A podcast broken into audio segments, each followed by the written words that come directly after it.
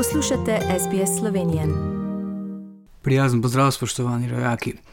Slovenija ni več samo globoko v rdečem na epidemiološkem zemljevidu Evropskega centra za obvladovanje in preprečevanje bolezni, pač pa je po javno dostopnih podatkih v zadnjih dveh tednih daleč najslabša država na svetu na področju obvladovanja epidemije.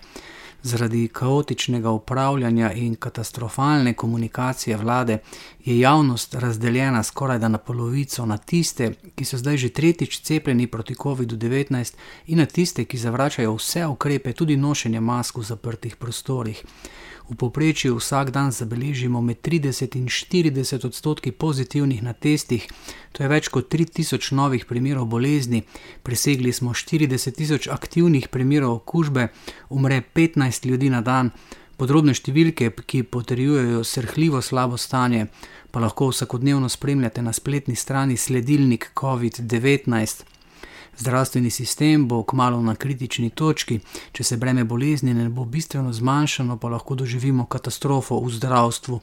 Stanje v bolnišnicah je zelo resno, saj te dobesedno pokajo po šivih, dodatno zmedo pa vnašajo pravila o testiranju otrok v šolah zadnjih nekaj tednov. Sprva je bilo to opredeljeno kot prostovoljno in na domu, čemu je velika večina staršev javno nasprotovala. Zadovoljni pa niso bili niti učitelji. Zdaj pa se bo zaradi vse slabših razmer samo testiranje od prihodnega ponedeljka naprej izvajalo pod strokovnim nadzorom v šolah za vse učence.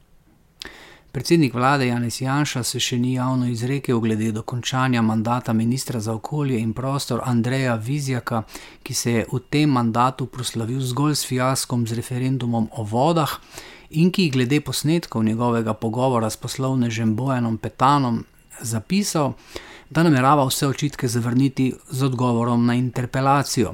V javnost so namreč pricurljali posnetki, na katerih vizijah takrat v vlogi gospodarskega ministra Petano svetuje, naj vendarle ne bo neumen in plačuje davkov, pač pa naj denar porabi za kaj drugega. Epilog te afere, ki je močno odmevala v javnosti, pa bo ta, da vizijak interpelacije ne more preživeti, saj so mu podporo naposled javno odrekli tudi koalicijski partnerji. Naslednja na seznamu za odstavitev z ministerskega položaja pa sta šolska ministrica Simona Kustec in pravosodni minister Marjan Dikaučič, in tudi njuna usoda je glede podpore koalicije precej negotova. V bolj stabilnih političnih časih se to najbrž ne bi zgodilo, tudi odkar je znan datum parlamentarnih volitev, te bodo 24. aprila prihodnje leto, se je kampanja že začela in politične stranke so začele ravnati zelo predvidljivo in preračunljivo, poleg tega pa se že oblikuje prihajajo razna nova formalna zavezništva, liste in stranke. To bodo redne in neizredne volitve, kot bi si mnogi želeli.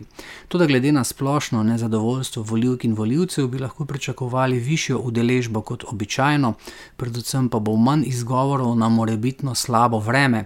Ton predvoljivne kampanje, programov stranke in izid volitev bo namreč usmerjala izključno epidemija, upravljanje z njo in njene posledice.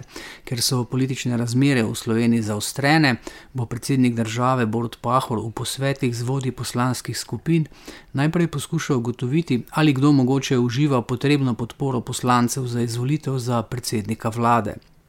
Stanje, kakršno je, je slabo in potrebne so spremembe. Ali kot je v pogovoru s predsednikom parlamenta Igorjem Zorčičem te dni povedal Tine Hribar, član Komisije za človekove pravice Slovenske akademije znanosti in umetnosti, lahko Janez Janša zruši državo, ampak to še ne pomeni uničenja naroda.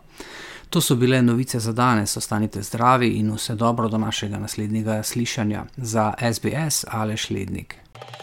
Želite slišati sorodne zgodbe? Prisluhnite jim preko Apple ali Google podcasta, preko aplikacije Spotify ali kjerkoli drugje.